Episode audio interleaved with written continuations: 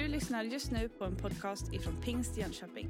Vi hoppas att denna undervisning kommer att hjälpa dig att växa i din personliga relation med Gud. Vad säger Bibeln om dopet? Ja, det är rubriken för det här avsnittet. Dopet hör till den kristna trons grunder. Det är en enkel och uttrycksfull handling utförd av människor men samtidigt rymmer den ett djup och innehåller också Guds handlande. Sedan det Nya testamentets tid har dopet varit en självklar del av kyrkan, fortsättningen på omvändelsen, starten på efterföljelsen och ett liv i lärjungaskap. Men varför är det då så viktigt? Och på vilket sätt gör dopet i vatten en skillnad i människors liv? Hur kan en fysisk handling förmedla andliga välsignelser? Jag vet inte om du som lyssnar på detta själv är döpt eller kanske är du nyfiken på dopet. Oavsett tror jag att vi gör gott i att reflektera kring dopet, vad Bibeln säger om det och vilken betydelse det har för oss. Som barn så hade jag en väldigt naturlig tro på Gud, men jag tog också min tro på ett väldigt stort allvar. Jag brukade skriva brev till Gud och berätta om min dag. Och när jag var 9-10 år någonting så använde jag Paint på min dator för den som minns det här fantastiska programmet Paint. Jag läste i min bibel och så gjorde jag olika rutor utifrån släktskapen. Jag började med Adam och Eva, sen deras barn, barnbarn och så vidare. Och tog de här olika sidorna på Paint och fyllde i. När de började få väldigt många barn, då blev det väldigt trångt med alla de där rutorna. Men jag tyckte ändå att det var intressant och jag lärde mig någonting av hur det hängde ihop. Ett bekymmer jag hade dock när jag var i åttaårsåldern var att jag tyckte att jag älskade nog min mamma mer än vad jag älskade Jesus. Och jag uttryckte detta för henne att jag var lite bekymrad över det och hur det skulle gå. Men för mig var tron äkta. Och väldigt tidigt en övertygelse i mitt liv. Därför var det också självklart för mig att jag ville låta mig döpas, då jag förstod att det var följden av en tro på Jesus. Jag började tjata på mina föräldrar när jag var åtta år om detta och de tyckte att jag var för liten. Så att jag skulle i alla fall vänta lite. Och jag fortsatte att tjata och tjata och till slut så tyckte de väl att det inte kändes rätt att hindra mig från att bli döpt. Och efter en gedigen dopskola tillsammans med min mamma, där vi läste bibelorden om dop och samtalade tillsammans om detta fick jag som nio och ett halvt-åring låta mig döpas. Och jag planerade det här dopet. Sture som var min kompis och vi brukade vara mötesvärd ihop och ja, han eh, var mycket äldre än mig, precis som det låter. Men han skulle ge mig handduken efter dopet. Sen skulle vi ha en fest hemma med släkten. Pastorn som döpte mig, han var över två meter lång och jag såg ju minst sagt liten ut i min vita dopdräkt, nio och ett halvt år bredvid honom. Av någon anledning så fick jag också micken vid det här sammanhanget och jag uttryckte då inför hela församlingen att det här har jag väntat på länge. Och folk de skrattade och jag förstod inte varför de skrattade, för det var ju sant. Jag hade väntat länge och jag var inte gammal, men jag visste vad jag gjorde och det var mitt eget beslut följt av en personlig tro på Jesus. Kanske får detta dig att tänka tillbaka på ditt dop eller fundera på ditt kommande dop om det är så. Alla har vi vår egen berättelse och vandring i tron som är unik. Men nu så ska vi djupdyka lite i vad dopet innebär och vad Bibeln säger om dopet. I Lukas evangeliet kapitel 5 så kan vi läsa om Petrus första möte med Jesus. Jesus använder Petrus båt att undervisa ifrån och han uppmuntrar och uppmanar sen Petrus och hans fiskarlag att kasta ut näten igen trots att de fiskat hela natten utan att få någon fisk. Petrus han tar Jesus på orden och han lägger ut igen och näten brister nästan av all fisk. Och då händer något med Petrus. Han faller ner inför Jesus och så säger han, gå bort ifrån mig Herre, jag är en syndig människa. Det här var Petrus första möte med Jesus och uppenbarligen så var han fascinerad av Jesus. Men det väckte också någonting i honom av en bävan, som att någonting hade avslöjats i hans inre. Men Jesus han mötte honom med kärlek och kallade honom till ett annat slags fiske i Kristi efterföljd. Petrus han var förkrossad men inte bruten och han fick följa Jesus. På pingstdagen, ungefär tre år senare, predikar samme Petrus om Jesus som nu har dött och uppstått. Och budskapet tränger in i åhörarnas hjärta och tusentals människor känner ett behov av omvändelse men vet inte hur det ska gå till. Jag läser ifrån Apostlagärningarna kapitel 2 och vers 36. Därför kan hela Israels folk veta säkert att den är Jesus som ni korsfäste, honom har Gud gjort till både Herre och Messias. När de hörde detta högg det till i hjärtat på dem. Och de frågade Petrus och de andra apostlarna, bröder, vad ska vi göra?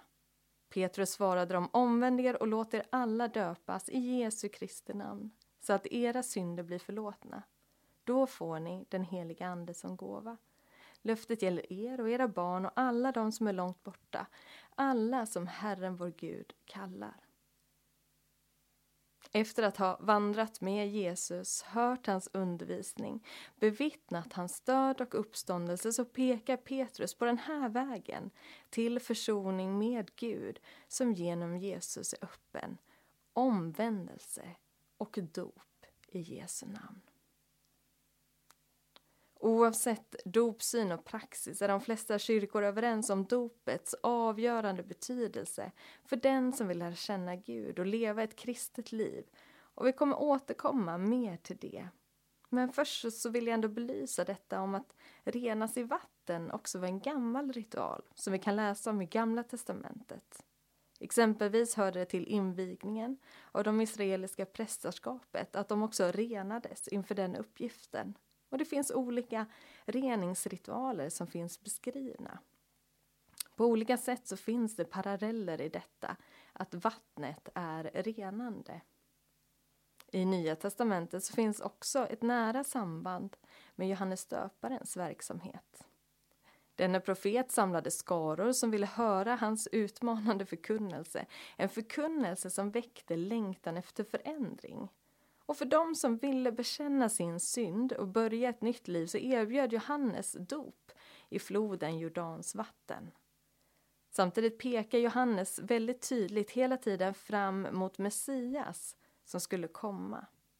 När han jämför sin egen uppgift som dopförrättare med Messias så säger han att jag döper er med vatten för omvändelsens skull. Men han som kommer efter mig är starkare än jag. Han ska döpa er med helig ande och eld. Jesus han låter sig också döpas av Johannes. Även om Johannes först vägrar och inte vill. Jesus behövde ingen omvändelse. Men på samma sätt som Guds son i födseln identifierar sig med människorna genom att få en mänsklig kropp gör han sig i dopet till ett med syndare och förbereder sig på så sätt inför det som ska komma. Johannes protest besvaras av Jesus med orden Låt det ske. Det är så vi ska uppfylla allt som hör till rättfärdigheten. Här börjar Jesu vandring mot Golgata. Det är efter hans dop som Johannes säger om Jesus att där är Guds lamm som tar bort världens synd. I dopet blev också Jesus utrustad med Andens kraft och inledde därmed sin profetiska tjänst. Senare i Nya testamentet så ser vi att Johannesdopet inte var identiskt med det kristna dopet.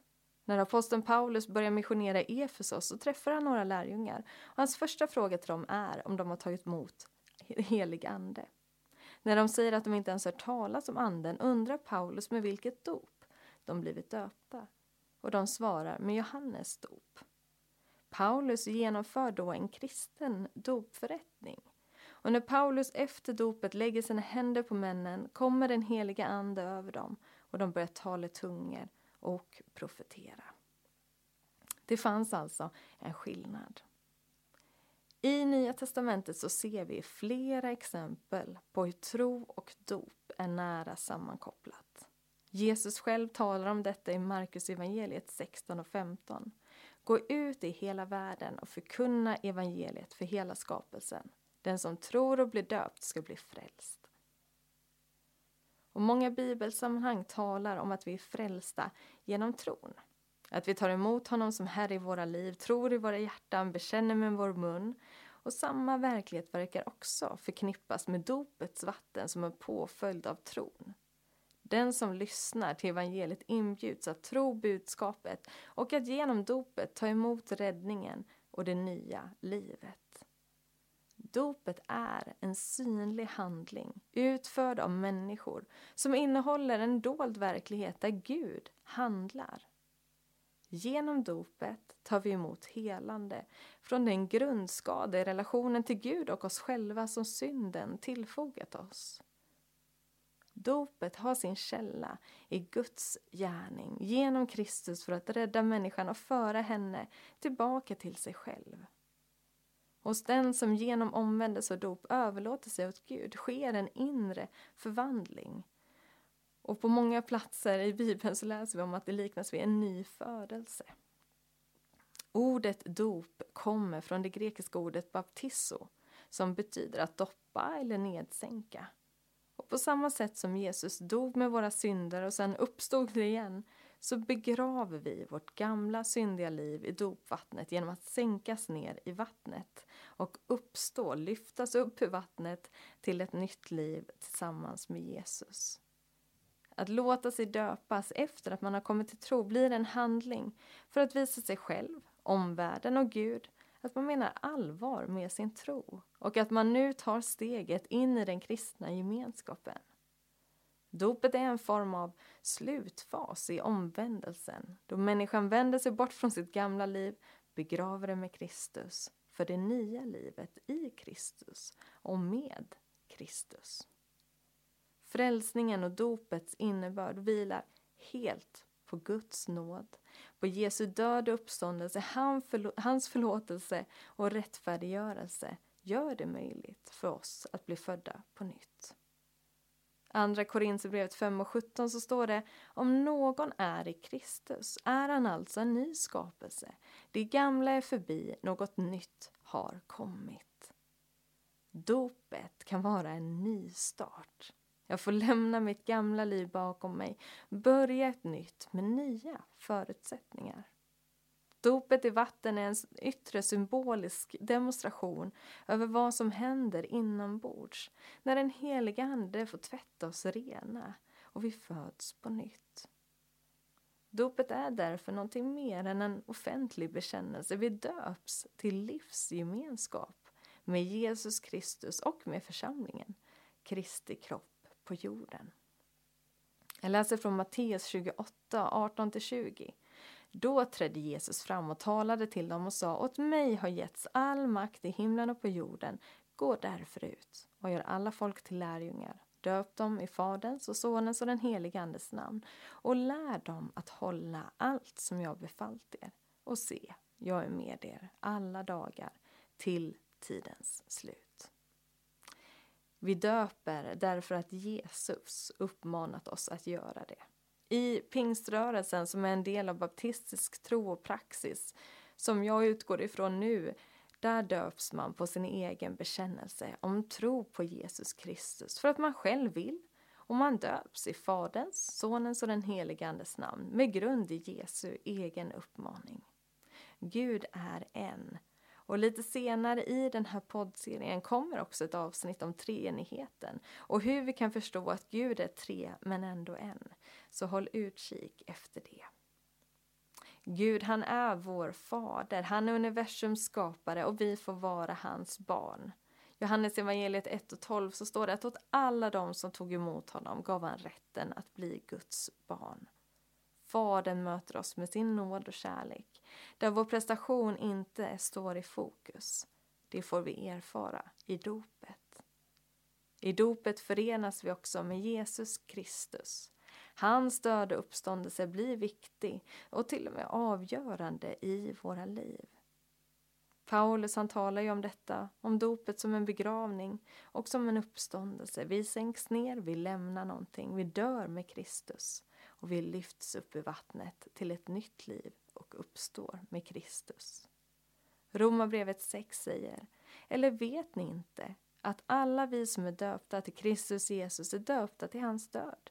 Vi är begravda med honom genom dopet till döden för att leva det nya livet, liksom Kristus är uppväckt från de döda genom Faderns härlighet. För om vi är förenade med honom i en död som hans ska vi också vara det i en uppståndelse som hans. Ett liv tillsammans med Jesus som får olika konsekvenser och innebär ett löfte om ett evigt liv. I dopet så döps vi också i den heliga Andes namn. Och genom Anden erfar vi både Guds kärlek och vårt behov av räddning. Anden är verksam i vår omvändelse och frälsning och beskrivs som en gåva till oss. Han är också verksam i dopet. Bibeln beskriver att vi kan bli och vara fyllda av den helige Ande, ja till och med döpas i den helige Ande. I vissa fall i Nya testamentet sker dopet i den helige Ande i nära anslutning till dopet i vatten. Anden är den hjälparen som Jesus lovade och en del av våra liv i, det, i vårt fortsatta lärjungaskap. Anden ger kraft att vara vittnen, att berätta om Jesus och genom Andens verk i våra liv får vi också bära Andens frukt, kärlek, glädje, frid, tålamod, vänlighet, godhet, trofasthet, ödmjukhet och självbehärskning. I den baptistiska dopsynen dit pingströrelsen ställer sig finns det en viktig detalj som är grammatisk. Nämligen att en människa inte döper sig utan låter döpa sig. Att dopet är en samverkande handling där Gud i sin nåd handlar i dopet och skapar en ny identitet. Men också att en person inte kan döpa sig själv utan man låter sig döpas. Ofta sker detta i församlingens gemenskap där församlingen både får dela glädjen över den nydöptas beslut om att följa Jesus men också be för personen och tydligt innesluta den nydöpta i församlingens gemenskap. Dopet innebär en omvändelse där människan är inför Gud. Dopet är även en bekännelse, en offentlig handling inför omvärlden. Dopet är en överlåtelsehandling, ett beslut. Dopet är också en handling som leder till gemenskap. Och till sist så är dopet ett mottagande av nåden i det rena vattnet. I dopet får vi ta emot en ny identitet som består livet igenom. Ett synligt tecken på en osynlig nåd. En handling som får konsekvenser i ett fortsatt liv i lärjungaskap. Och vi ska leva i vårt dop, återvända till det, påminnas om det. Inte som ett vackert minne, utan som en verklighet att leva av. En gåva att tacka för och någonting att ta avstamp ifrån. Dopet vittnar om en tillhörighet hos Jesus. I Galaterbrevet 3 står det att alla ni som blivit döpta till Kristus har iklätt er Kristus. Dopet får konsekvenser, där fortsättningen är ett liv i överlåtelse, tro och efterföljelse. Så som vattnet omfamnar oss i dopet får vi, får vi vara omfamnade av Guds nåd. En nåd som räcker och som bär oss genom hela livet. Amen. Du har just lyssnat på en podcast ifrån Pingst Jönköping. För att få reda på mer om vilka vi är och vad som händer i vår kyrka så kan du gå in på pingstjonkoping.se eller följa oss på sociala medier via pingstjkpg.